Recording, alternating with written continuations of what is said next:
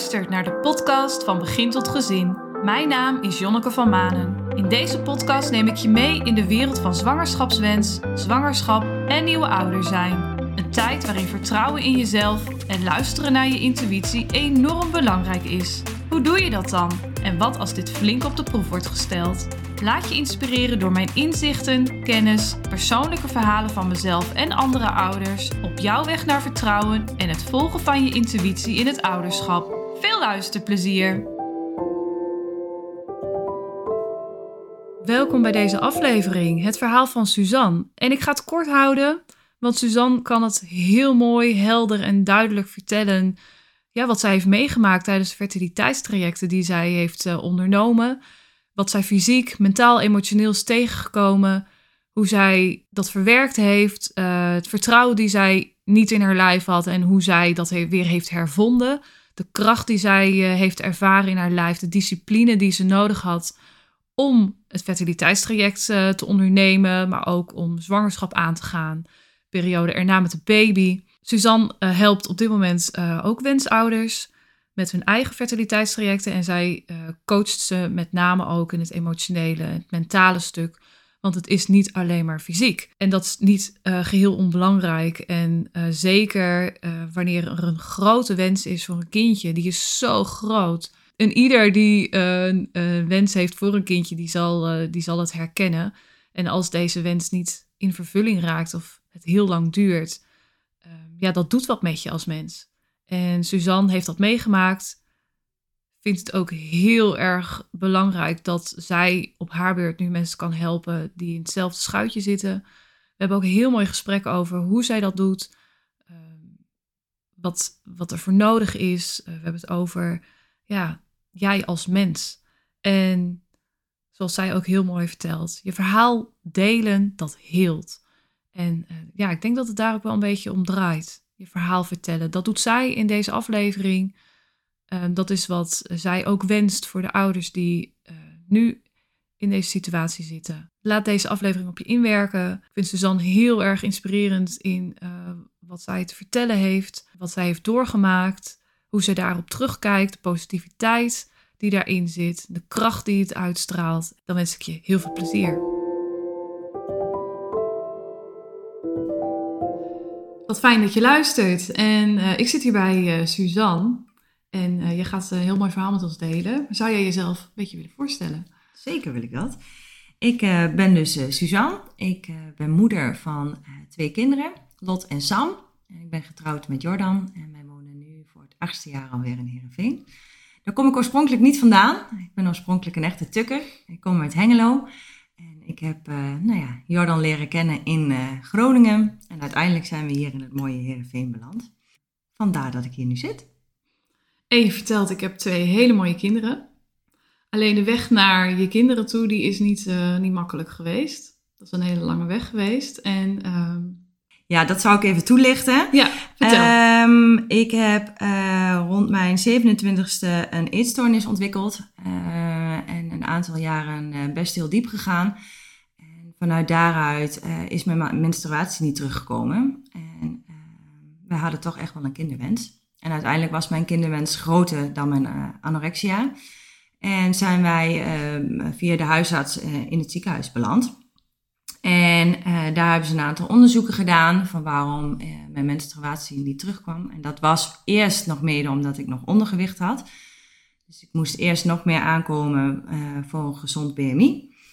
Nou, dat is gelukt. En toen zijn we gestart met hormoonbehandelingen om te kijken nou hoe mijn cyclus werkt en of de eitjes groeien. En dat hebben wij zo'n ongeveer, denk ik, een half jaar gedaan. En dat heeft tot niks positiefs geresulteerd.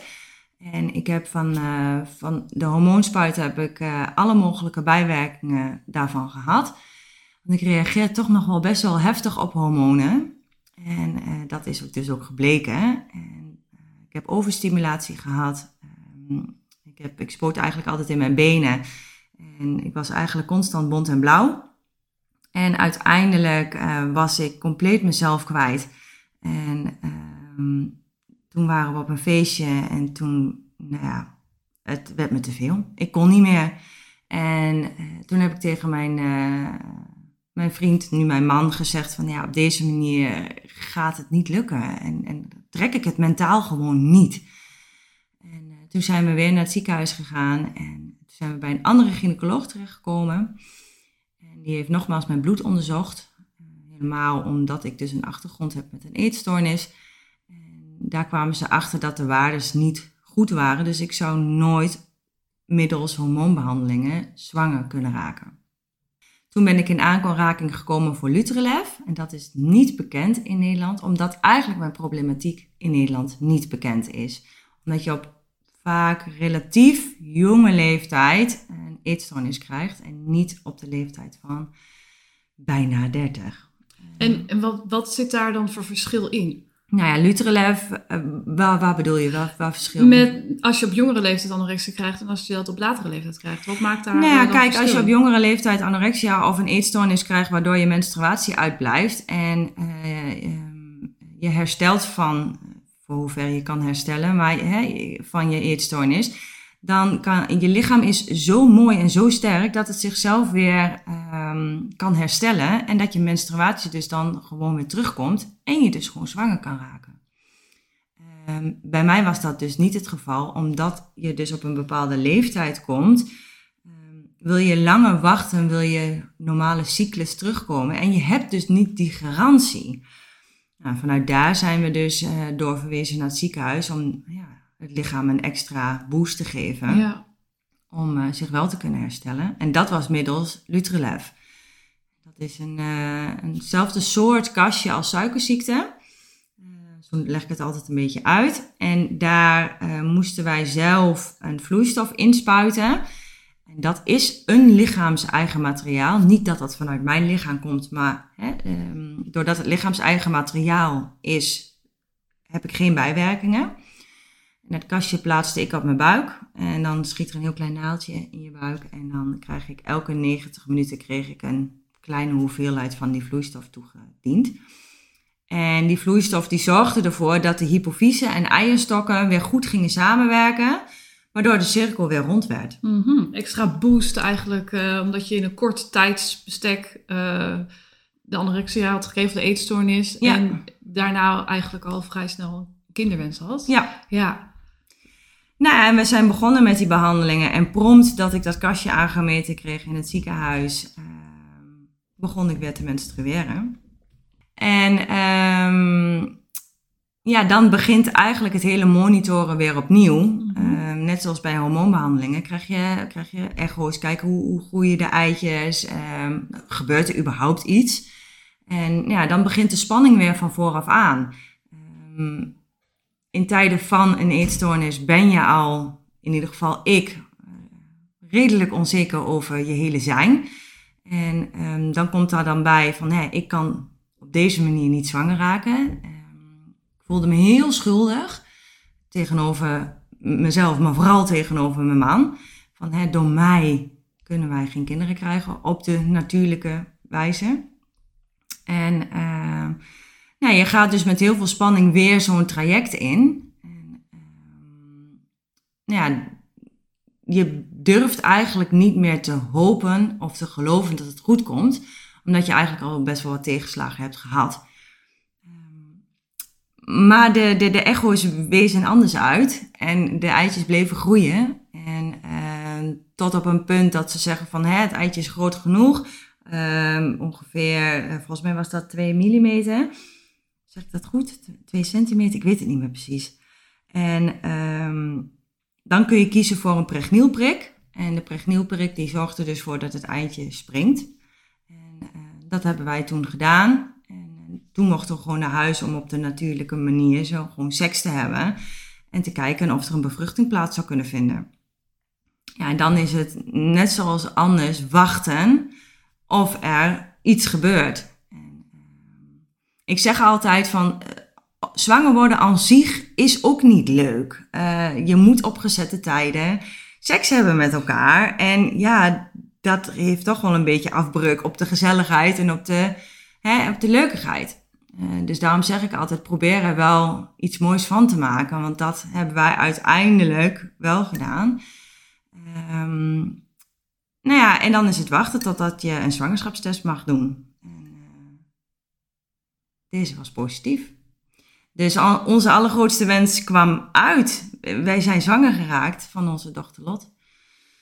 En uh, toen moest ik het kastje nog blijven gebruiken uh, tot en met de eerste echo. En de eerste echo was goed. En dus ik mocht het kastje uh, verwijderen. En mijn lichaam het zelf laten doen. Dus ja. Hoe was dat? Dat, jij, dat je lichaam, die jij al, waar je al weinig vertrouwen in had, ja. om het zelf te laten doen? Um, ja, dat is iets heel bijzonders. Want ik heb zo ontzettend weinig vertrouwen gehad in mijn lijf. Al jaren gehad. En, um, maar dat je weet dat je allergrootste wens in je buik zit. En dat je daarvoor moet zorgen. Daar gaat de knop om. Dat je dan, um, tuurlijk heb ik wel moeilijke momenten gehad, inderdaad, met eten of hè, voldoende eten. Want doe ik het wel goed genoeg? Verzorg ik mijn lijf goed genoeg om hè, ons ongeboren kindje nog uh, goed te laten groeien. Daarom heb ik ook extra groeiecho's gehad. Dan werd ik heel goed ge gemonitord in het ziekenhuis en ook bij de verloskundige. En, uh, ja, dat is iets, iets wat mij heel erg is bijgebleven. Dat dat een enorme drive gaf om, om het goed te gaan doen. Om goed voor mezelf te gaan zorgen. Want ik moet voor mijn kind zorgen. Ja. En dat is echt wel een heel groot omslagpunt geweest. Ja, ja het moment dat je wist, de, er zit daar een vruchtje en uh, die gaat Ja. daar groeien. Ja, En Ja. daar, daar doe ik het voor. ja, Ja. ja, het is wel een hele zware mentale weg. Ook tijdens de zwangerschap nog. Want je, ja, ik heb zeker nog gestruggeld met het, hè, het- zoals denk ik, denk ik, veel vrouwen van het aankomen. Hoeveel kom ik aan en hoe ga ik eruit zien? En komt dat ooit allemaal weer goed? En En voor jou extra beladen. Ja en nee. Ehm, want ik heb me tijdens de zwangerschap nog nooit zo mooi gevoeld.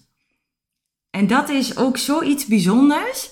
Ehm, en dat je uiteindelijk kan zeggen: Ja, ik ben zo trots op dat lijf, dat dat lijf het gewoon weer doet. Mijn lijf. En ehm, mede door hulp van het ziekenhuis, inderdaad, maar ook door mezelf. En de, de support natuurlijk van, eh, van mijn man dat we dat gewoon samen gewoon eh, gerokt hebben. Ja. Ja. Ja. want je vertelde ook dat je je schuldig hebt gevoeld. Mhm. Ook omdat je eerst zo'n hormoontraject in bent gegaan. Nou ja, dat bleek dus voor jou eh, niet de allerbeste optie. Nee. Ehm, en dat je dat met zo'n boost tussendoor daarna weer zo'n traject inging. Je Ja. zegt, ik voel, voelde me heel schuldig naar mijn man. Ja. Hoe, hoe was dat voor hem? Hij heeft, ehm, omdat we natuurlijk al die voorgeschiedenis hebben samen van de eetstoornis, ehm, dat is voor hem ook heel zwaar geweest. Want ik heb intern in een kliniek gezeten voor een half jaar. Eh, we woonden net samen, een halfjaartje. En toen ben ik al, ja, toen ben ik echt heel ziek geraakt.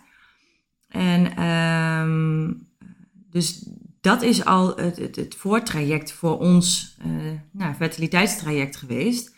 En ehm, ja, maar ik kan wel zeggen, zonder hem had ik het niet gered. En, ehm, hij is zo ontzettend sterk geweest eh, voor mij. Want wij hebben er toen ook expliciet voor gekozen om het met niemand te delen, ons fertiliteitstraject. Ehm, dat zou ik overigens anderen niet aanraden. Echt niemand wist dat jullie dit gingen doen. Of dat jullie überhaupt een kinderwens hadden. Eh, kinderwens wel, Ja. eh, maar niet dat we in, eh, in dit traject terecht zijn gekomen. Nee.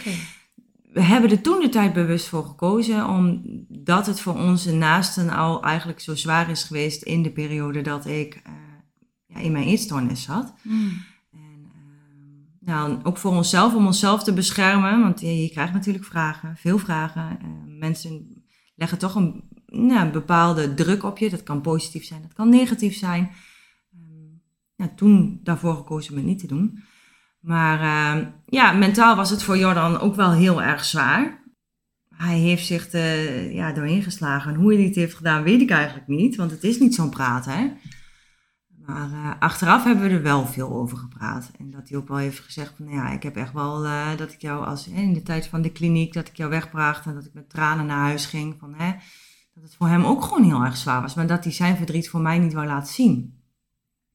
Ja, en tijdens het fertiliteitstraject is dat eigenlijk wel veranderd in, in de zin van hij, ehm, hij stond er gewoon. Hij Hmm. heeft eigenlijk ook altijd de, de, de, de hormoonspuiten bij mij gezet. Dat heb ik niet zelf gedaan. En, eh, ja, we hebben dit traject echt samen gedaan. Eh, ook elke keer met het kastje, als we hè, de, het kastje weer moesten bijvullen en, en aan moesten, moesten brengen. En hij was, stond altijd naast me.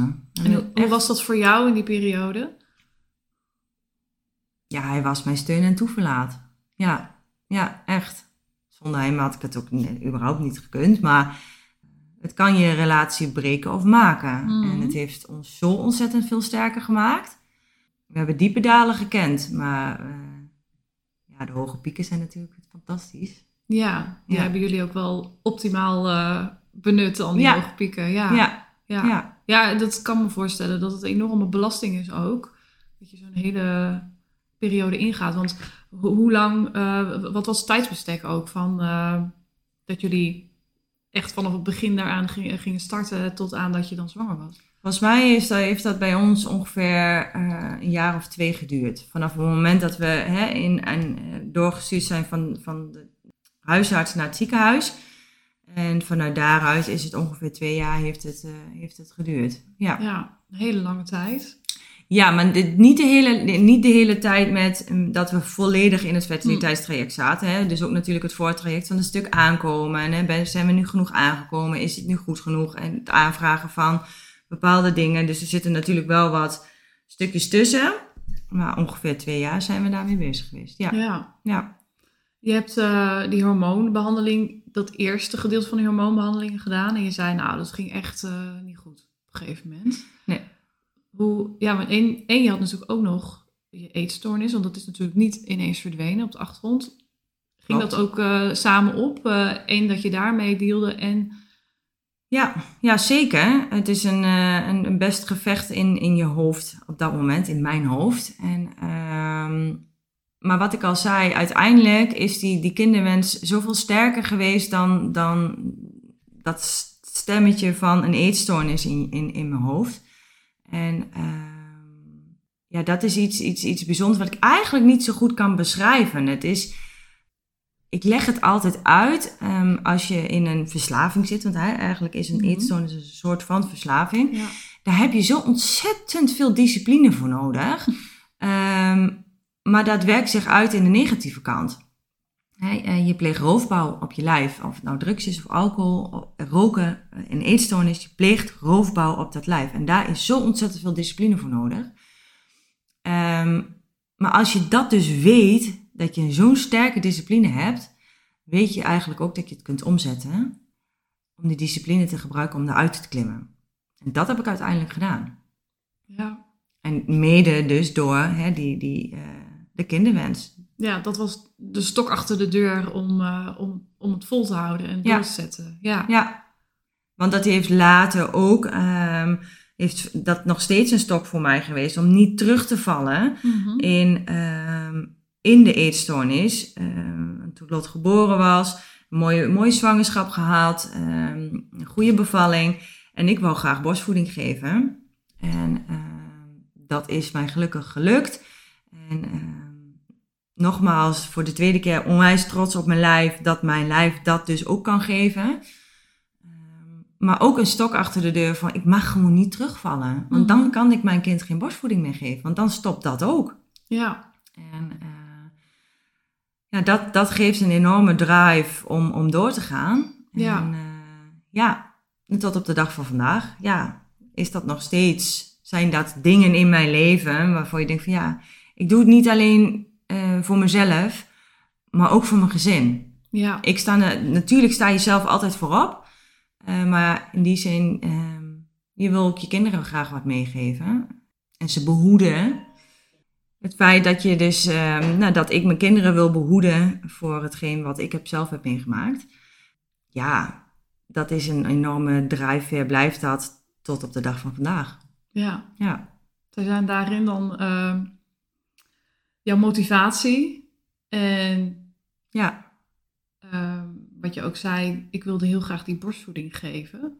En dat kan alleen als je zelf ook genoeg tot je neemt. ja, Ja, je hebt dus op het moment dat je zwanger was en het moment van borstvoeden twee van die momenten gehad waarin je, waarin je echt zelf ook een enorme boost heb gekregen van... hé, hey, ik kan het. Ja. Voelde dat ook echt zo? Dat, ja. ja, zeker. Ja. En dat er dus een leven is naast een eetstoornis. Maar dat dat, dat, dat, dat dat mijn leven is, dat dat ons leven is. En ehm, ja, dat je dat, dat is zo'n enorme impact wat het kan hebben, dat je dan op een gegeven moment na gaat denken over, ja, hoe wil je je leven dan inrichten? En hè, al hetgeen wat je hebt meegemaakt aan negativiteit en struggles en um, nou ja, dat het mentaal best wel zwaar is geweest, daar heb ik ook van geleerd, daar hebben wij van geleerd. Ja, en dat ik dat dan nu wil gaan inzetten um, binnen mijn eigen bedrijf, ja, dat is fantastisch. Ja. ja, want jij hebt ervaring dus met fertiliteitstrajecten. Ja.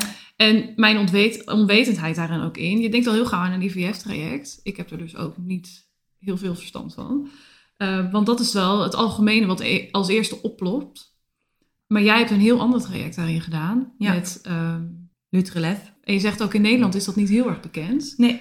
Want uh, waar jij mee uh, kampte, dat, daar is ook niet heel veel aandacht voor hier. Dat Nee. je dus in een korte tijd een extra impuls geeft aan het lichaam. Ja. En waar, uh, hoe ben jij daarbij gekomen? Ja, dat is dus doordat die gynaecoloog in het ziekenhuis waar wij onder behandeling stonden wel um, te maken heeft gehad met mijn problematiek. En vanuit daaruit heeft zij ons uh, daarmee in aanraking gebracht. Ja, dus daar hebben wij heel erg veel geluk mee gehad. En um, nou ja, wat ik nu wel heel erg merk, ik heb het afgelopen jaar ontzettend veel wensouders gesproken, is dat in Nederland um, vooral hè, de, de, de, de ziekenhuizen heel erg nog kijken naar het, het bepaalde lijnen van hè, wat, wat heeft iemand, waar, waar, waar hebben ze problematiek mee. En in het buitenland is het al veel verder ontwikkeld. Dus daarom zie je ook steeds vaker als het in Nederland na een paar jaar niet lukt, dat mensen uitwijken naar uh, België of naar Duitsland. Maar daar kijken ze toch nog verder dan dat ze hier in Nederland doen. Dat betekent niet dat in Nederland de medische hulp slecht is, helemaal niet. Maar ik ben juist blij dat ik dat onder de aandacht kan brengen. Van goh, hè, je kunt ook uitwijken naar andere landen, waarin ze soms wat verder zijn met uh, bepaalde uh, problematiek, uh, waar je op dat moment mee te kampen hebt. Ja. ja. En eh, bedoel je ook verder kijken, nou, jouw situatie op die manier, maar ook verder kijken als dat ze verder kijken naar alleen het medische gedeelte, naar het, het lichaam, maar ook naar mentaal gedeelte? Nee, het mentale stuk is uh, ja, voor, voor de ziekenhuizen, uh, grofweg gezegd, is daar vaak gewoon geen tijd voor. en dat snap ik ook, uh, want het is een medici. Ze willen jou helpen door, door middel van waar ze voor gestudeerd hebben. En ehm, vaak wordt er wel een aanbod gedaan voor maatschappelijk werker. dus dat is sowieso al een, een, een stap. Um, maar het is vooral dat ze in andere landen medisch wat, wat, wat verder kijken dan dat ze niet altijd, maar ja, ik, ik, ik, ik hoor het toch nog wel geregeld voorbij komen. Ja. En um, heb jij in die periode ook uh, maatschappelijk werker uh, aangesproken? Of heb je daar ook, uh, heb je daar ook hulp voor bij gezocht in die tijd? Um, nee, het ziekenhuis heeft toen de tijd wel een maatschappelijk werker aangeboden. Maar wij hebben daar geen gebruik van gemaakt, omdat nou ja, wij ons daar niet goed bij voelden. Niks ten nadele van de maatschappelijk werker, maar vaak heeft de maatschappelijk werker niet meegemaakt wat wij hebben meegemaakt. En als je met iemand praat die weet wat je doormaakt, praat dat vaak toch iets fijner en vertrouwelijker dan uh, met iemand die vooral nou ja, kijkt naar alleen het mentale stukje mm -hmm. en niet naar de achtergrond. En die daarover mee kan praten, die ja. voelt uh, wat jij kan voelen. Daar had je toen in die tijd ook al behoefte aan? Ja, eigenlijk wel. En uh, achteraf gezien uh, hebben we daar ook verder niet, niet, niet... Ja, je komt in zo'n ontzettende rollercoaster terecht. En um, je, je, je neemt de dingen van het ziekenhuis ook aan. Want ja, je bent zelf niet medisch onderlegd. Dus hè, uh, hormoonspuiten, dat, dat, dat is nu de optie. Dus dan doe je dat. Ja. Um, en het is natuurlijk nu een jaar of zes geleden.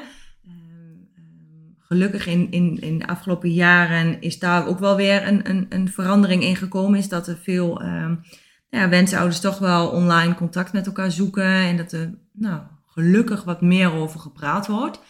En, ehm, maar dat hadden wij toen de tijd helemaal niet. Nee. Nee. Dus uh, nee, vandaar dat wij toen de tijd daar niet voor gekozen hebben om, om daar verder eens met buitenstaanden over te praten. Ja. ja. En je, je had het ook geheim gehouden. Dus je praatte er ook met je omgeving niet over. Nee.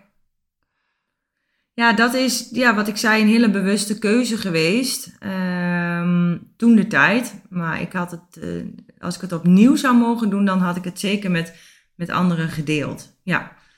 Want dat is toch wel fijn om, om hè, je, ja, je emoties te kunnen uiten. En uh, niet het alleen met je man te bespreken, maar dat je man of partner het ook met een ander kan bespreken. Mm Mits hij of, eh, of zij uh, daar, daar behoefte aan heeft.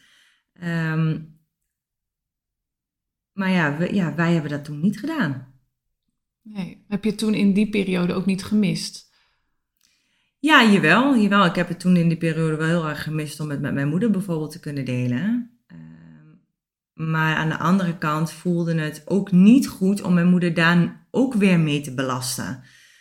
Um, het voelde als een, een, een, belasting naar mijn ouders toe, want die hebben al zoveel zorgen om mij gehad tijdens de eetstoornis. En um, ja, natuurlijk, ja, ze wouden ook graag van ons uh, grootouders worden. Ja, en ik, ja, wij vonden dat een te grote belasting. Ja. Je wilde ze behoeden. Ja. ja. ja. Ook zorgen voor je eigen omgeving uh, daarin. Ja, en, en, en nou ja, achteraf gezien, deels is het een goede keuze geweest.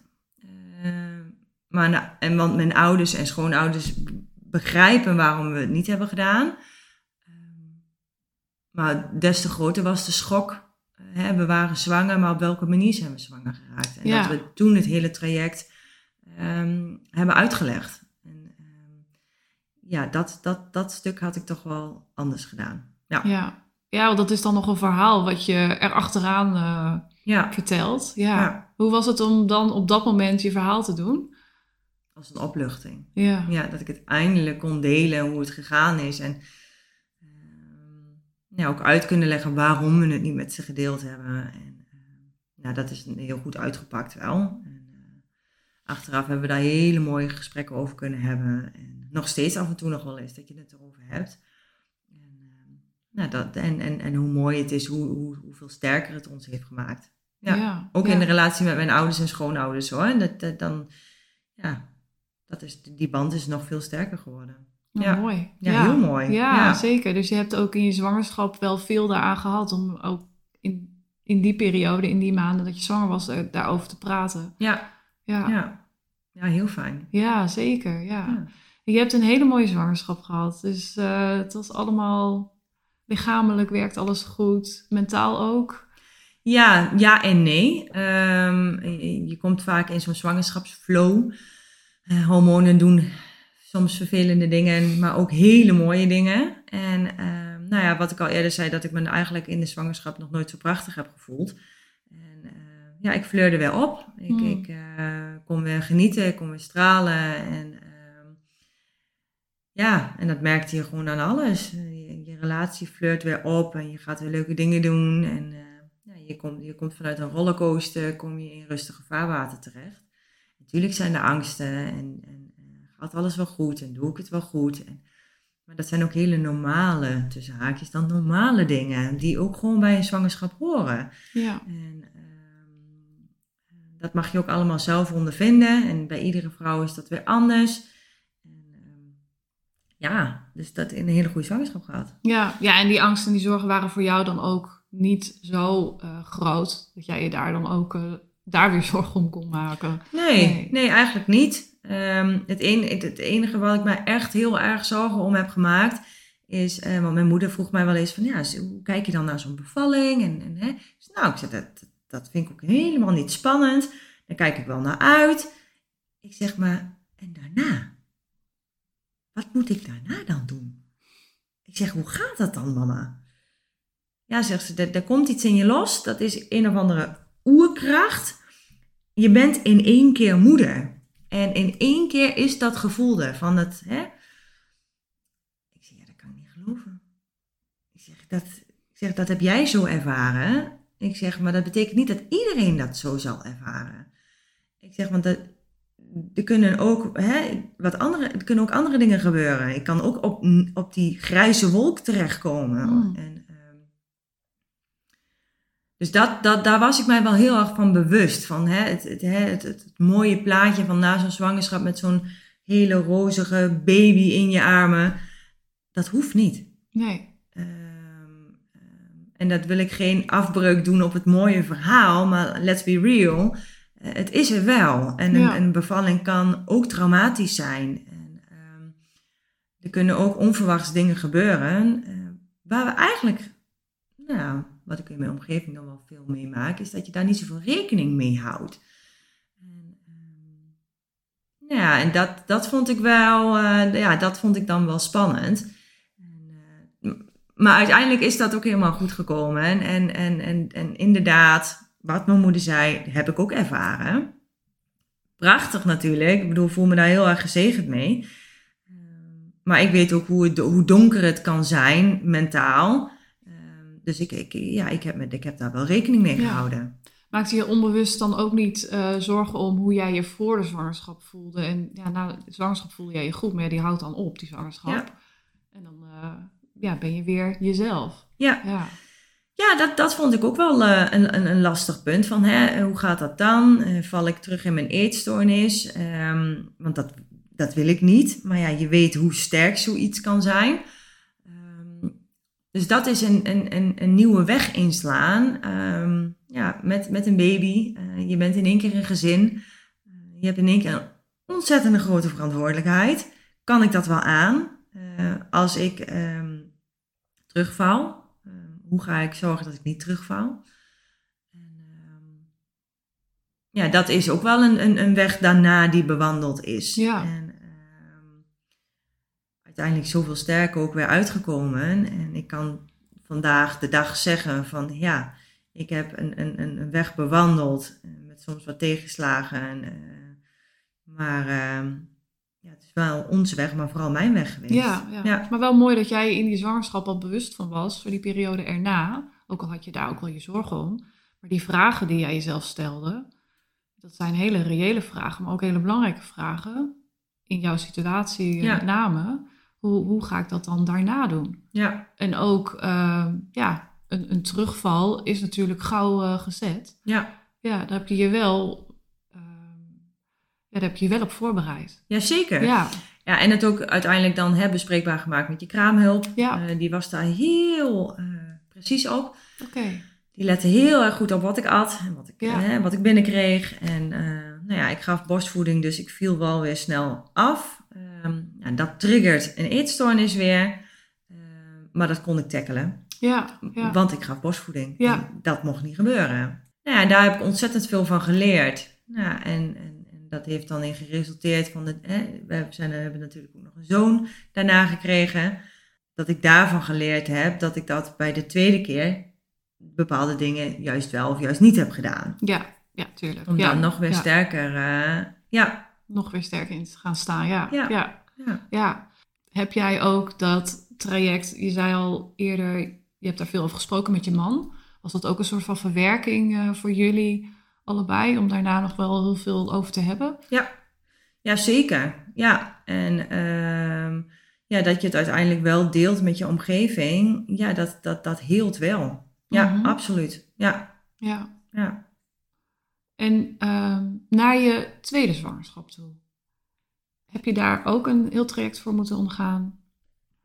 Nee, gelukkig niet. Ehm, wij eh, wisten al vrij snel van, goh, hè, ehm, wij zouden graag voor een tweede kindje willen gaan. Eh, maar is dat mogelijk? Dat wisten we natuurlijk niet. Ehm, ik menstrueerde nog niet. Was dat door mijn achtergrond of was dat door doordat ik nog borstvoeding gaf? Met ongeveer een jaar begon ik gelukkig weer te menstrueren. Dat had je al heel lang niet gedaan. Dat is echt wel heel Ja. wat jaar overheen gegaan. Ja, Hoe dus was dat, om dat te ontdekken? Want het Ja, ik was als een kind zo blij. Echt. Nou, ik ben nu helemaal niet blij als ik menstrueer. Maar ah, toen, ik kan me nog echt heel goed herinneren dat ik gewoon weer menstrueerde. Ik denk van, jee, mijn lijf doet het weer. Ja, Ja, echt, dat was echt fantastisch. ja, En eh, ja, heel gek om te zeggen. Het klinkt misschien ook heel raar, maar voor mij was dat echt iets, iets, iets heel erg moois. ja. En eh, nou, ja, toen hebben wij eh, contact gezocht met, eh, met het ziekenhuis, ons verhaal gedaan. En toen hebben ze gezegd, nou kijk maar even of je cyclus regelmatig wordt. Omdat ik dus nog borstvoeding eh, gaf. Toen op een gegeven moment hadden mijn man en ik het erover. Zo van, ik zeg ja, ik zeg ja, ik kan nu wel weer gaan wachten totdat die cyclus normaal wordt. Maar wie weet moeten we wel weer een traject in. Willen we dat? Ja, dat willen we. Maar dat was is- meteen duidelijk. dat was Ja, meteen doen. duidelijk. Eh, maar niet dan meer met de hormoon, maar wel eh, op de manier zoals we eerder zwanger zijn geraakt. Maar het was natuurlijk niet een gegeven dat het bij de eerste keer weer raak zou zijn. Daar waren we ons heel erg van bewust. Toen eh, zei ik tegen mijn man, ik zeg nou misschien als ik de volgende keer menstrueer, willen ze ons wel monitoren in het ziekenhuis om te kijken, wat gebeurt er in mijn lijf? Hoe gaat mijn cyclus? Ja, Dus ehm, nou dat heb ik overlegd met het ziekenhuis en dat vonden ze een heel erg goed idee. Dus eh, nou ja, ik moest dan bellen als ik weer begon te menstrueren en dan moet je na een aantal dagen. Dus ze zeiden van misschien heb je dit keer dan een vroege cyclus of een korte cyclus. Nou, toen hebben ze mijn hele cyclus gemonitord. En ik heb eh, de laatste echo heb ik gezien hoe, hoe, het, hoe het eruit ziet als een eitje gesprongen is. Oh. Normaal zie je dus de eitjes op de eierstokken zitten. ja, Ehm, en, en, en de vorige, de, de ene laatste keer had dat de verpleegkundige mij uitgelegd van, goh, hè, zo ziet het er ongeveer uit als een eitje springt. Het komt bijna nooit voor dat je zoiets kan zien. Nou ja, prompt de volgende echo heb ik het gezien. Dat was echt heel cool. ja, wat een mooi beeld dan. Ja. eh, om dat van jezelf te zien Ja. ook. Ja. Ja. sowieso is het een mooi beeld. Maar dan je eigen lichaam. Ja, Ja, en eh, nou ja, toen was weer van, nou ja, ga maar naar huis. En, en, en, en heb seks en kijk wat er gebeurt. ja. Ja, en toen was het weer raak. Jeetje. Ja. En toen Ja. zijn we dus eh, zwanger geraakt van onze zoon eh, Sam. Wederom, mooie zwangerschap. Ik hoefde dit keer geen groeiecho's eh in het ziekenhuis, want nou ja, mijn lijf pakte het zo goed op. Had je zelf ook geen behoefte aan? Nee, nee. En het was wat dat betreft qua trigger, qua eetstoornis, was dit echt wel een andere zwangerschap. Want ik had geleerd van de eerste zwangerschap. En ik zat veel beter in mijn vel. En, ehm, dus dat was ook weer een mooie zwangerschap. Goede bevalling gehad. Ja, de start van Sam was heel erg goed. Totdat zijn uiteindelijk bekend werd dat hij dus een heftige reflux had. Hm. Dus het eerste half jaar met Sam was toch nog wel bikkelen. Maar nu, nou, niks meer van terug te zien.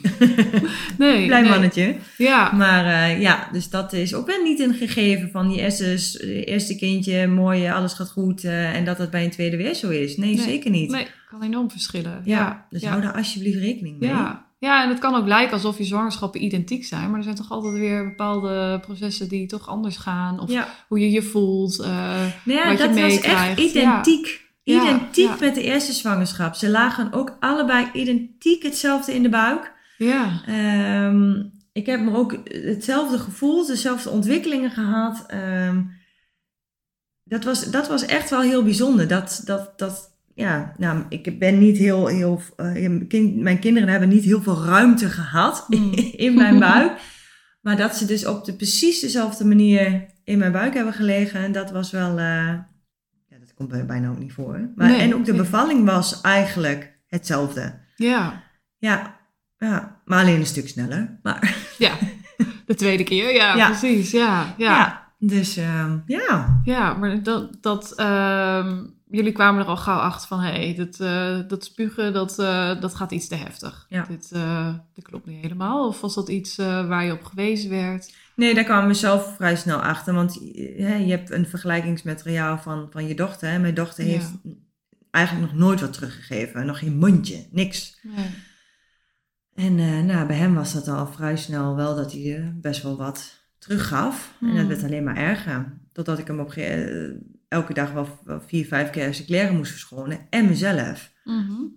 Nou, en dat hij dus heel onrustig werd. Heel veel huilen, eh, ontroostbaar, niet blij.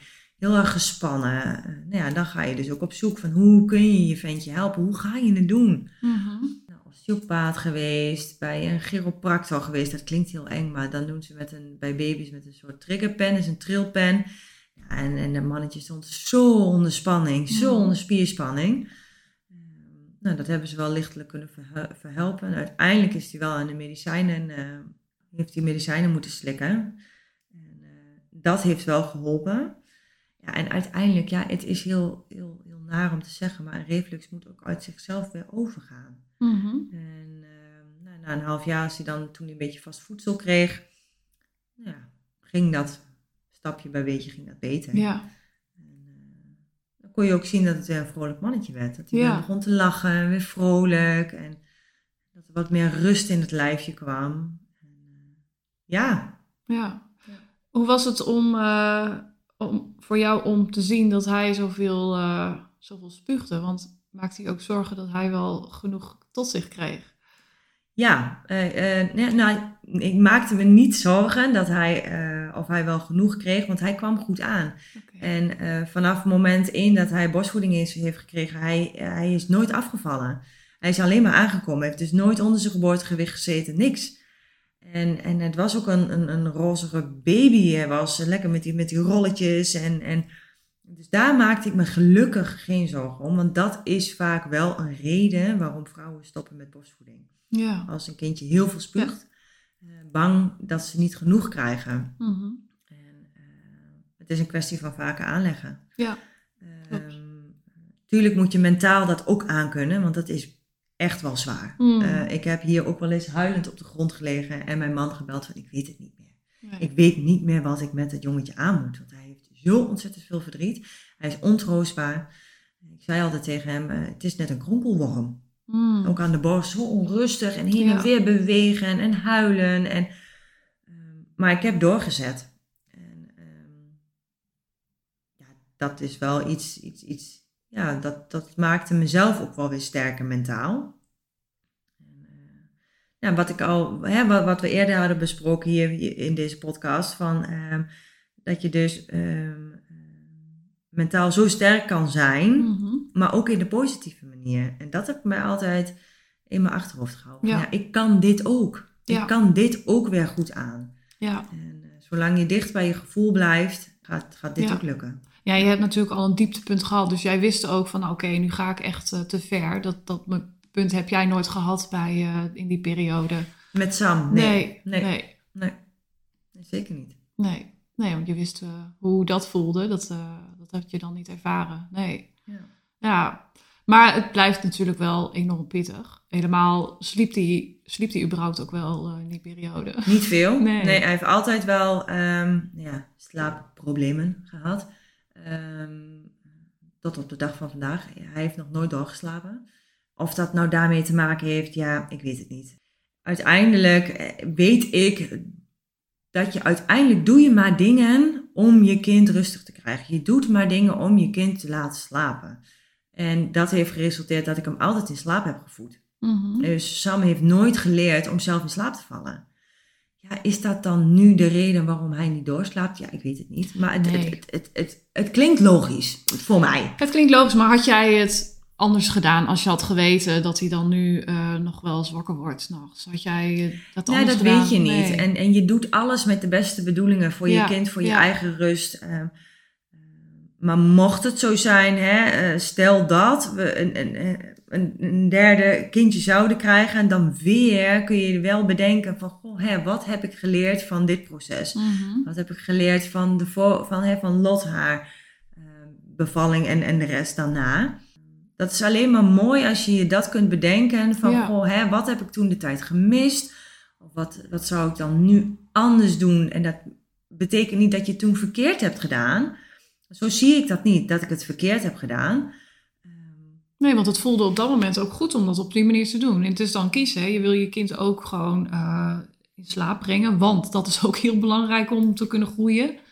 Ja, En op dat moment voelde dat ook voor jou, maar denk ook ik, voor goed. je eigen ja. rust. ja, zeker. Ja. Ik bedoel, ik kre- Ja. kreeg al we- weinig slaap. En ehm, ik heb me er dus ook nu bij neergelegd dat hij nog steeds twee, drie keer per nacht wakker wordt. Hm. Ehm, Slaapt hij wel weer lekker in dan? Ja, ja, ja. Want ik geef hem nog steeds borstvoeding.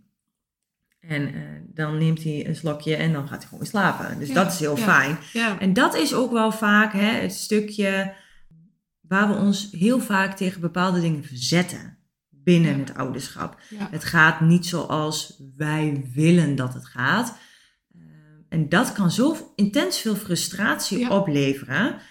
Eh, En als je probeert om dingen te accepteren dat ze zo zijn, en dat ze op een gegeven moment wel veranderen, net zoals de welbekende fases, Mhm. tandjes, opgroeien, van alles. Het gaat wel weer over. Ja. En ehm, ga kijken waar je wel invloed op hebt en waar je graag invloed uit, op wil uitoefenen.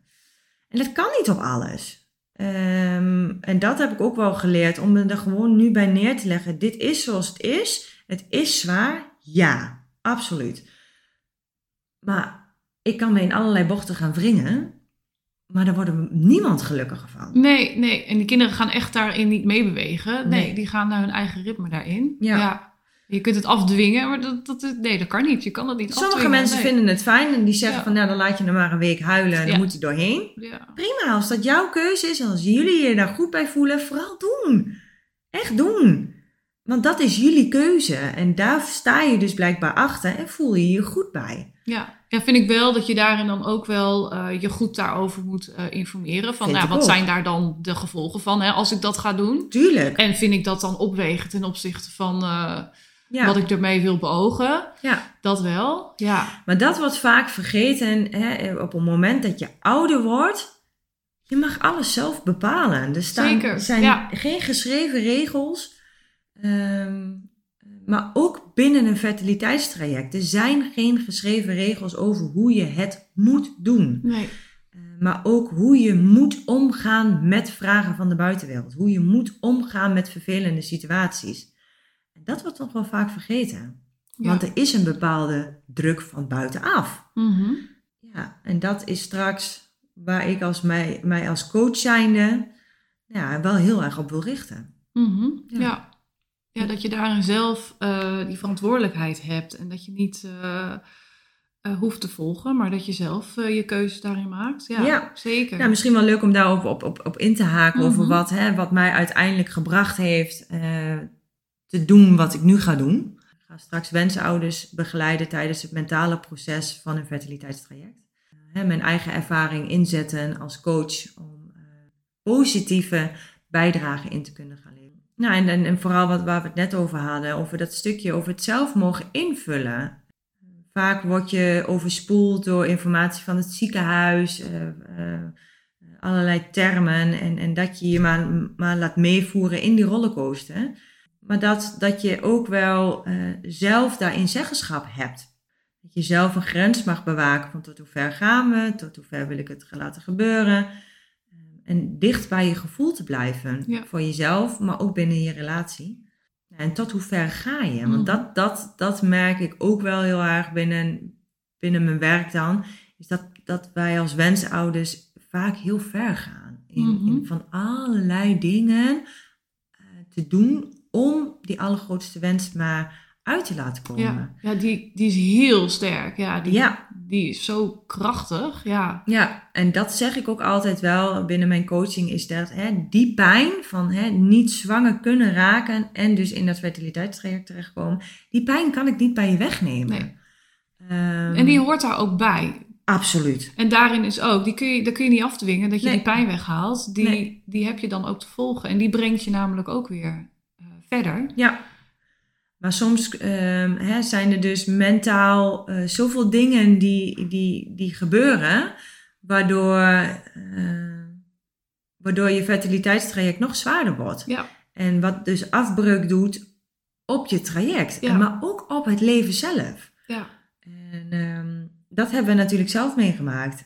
Ja, het is onwijs dankbaar om daar deel uit van te mogen maken. Van om iemand, een stel of een alleenstaande wensmoeder, eh, alleenstaande wensvader, ehm, in dat traject te mogen begeleiden. Om eh, ook de positieve kanten te mogen blijven belichten. ja.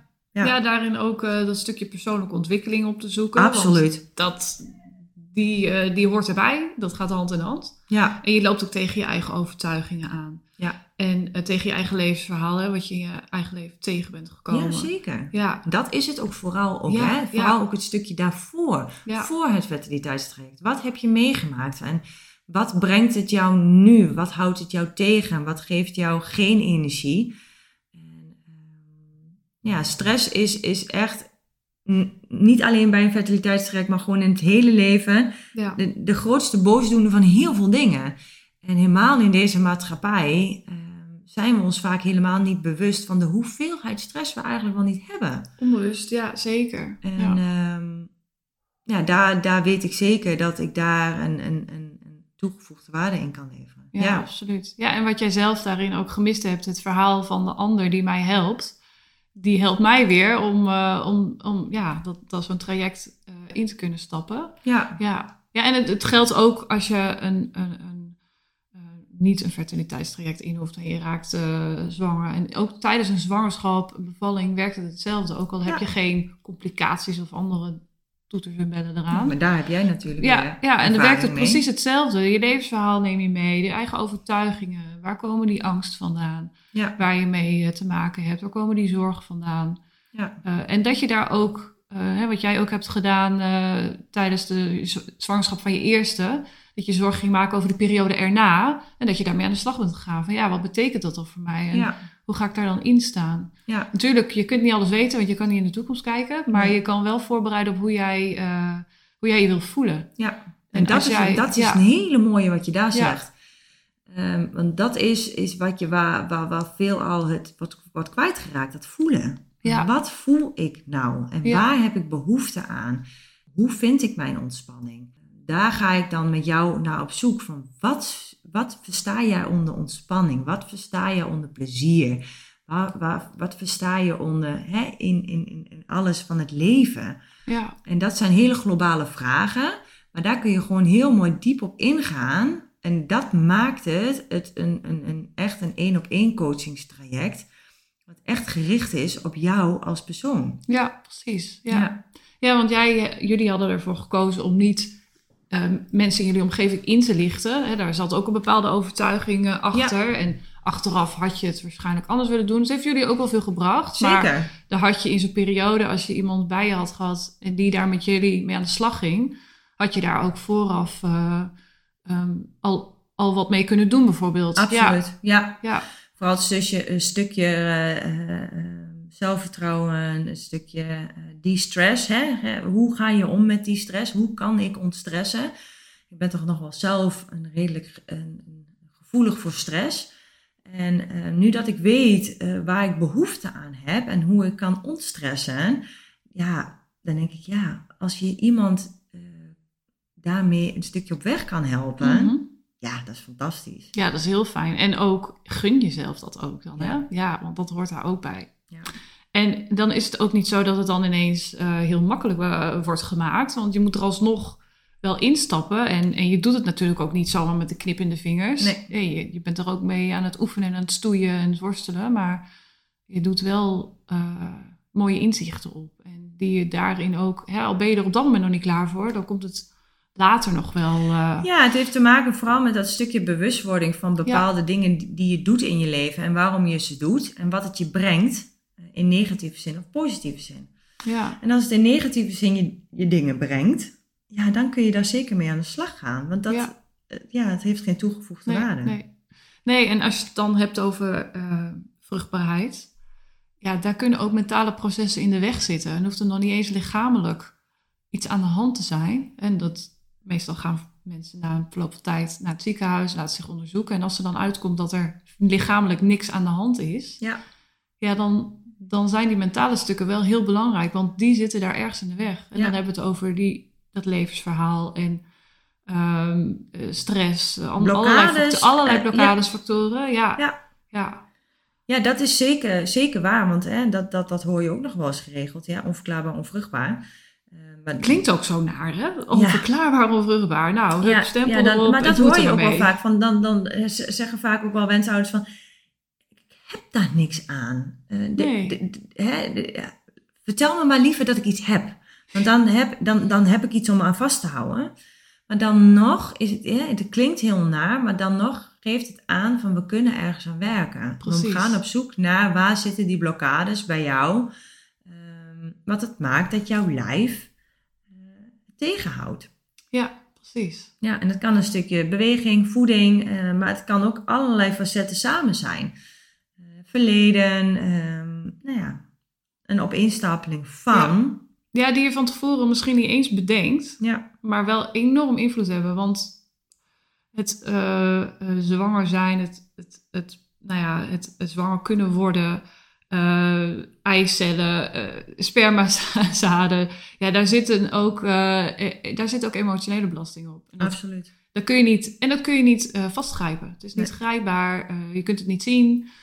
Ehm, ja, fysiek kun je dingen wel zien en dat, dat lijkt dan allemaal wat logischer, maar Ja. eh, dan is het wel, het is wel net zo belangrijk. Absoluut. Ja, Ja. het loopt echt samen met elkaar. Ja, Ja, mooi dat jij daar eh, instapt en eh, ouders daarmee gaat coachen. ja. En, en ouders, eh, ja, ik hoop dat ze het inderdaad zichzelf gaan gunnen, dat ze daarin, dat ze daarin stappen en, en verder kijken dan alleen die rollercoaster. En het is ook heel makkelijk om je daar helemaal in, in te verzuipen en, en daar helemaal in te duiken. Ja. Maar dat je ook even een stap terug kan doen van oké, wij eh, we gaan ook even het geheel overzien. Ja, maar je- wat ik ook zei, je, je grijpt vaak alles aan om maar zwanger te raken. Eh, voedingscoaches, eh, acupunctuur, yin yoga, ehm, van alles. En, Mhm. en begrijp me niet verkeerd, dat is echt niet slecht, hè? Het zijn ook mooie, niet. mooie middelen, inderdaad, zeker. Ja. Ja.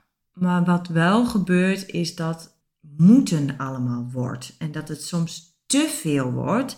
Waardoor je juist door dat soort dingen gestrest raakt. Want het een werkt niet, dus moet je weer naar het volgende. Het werkt Mhm. ook niet. En wat werkt dan wel? Mhm. Eh, en dat is dat mentale stukje Mm, ja, ehm, waar, je, waar je juist mee moet beginnen. ja, Eerst het mentale stuk tijdens je fertiliteitstraject. Van waar nou, ondervind ik last van?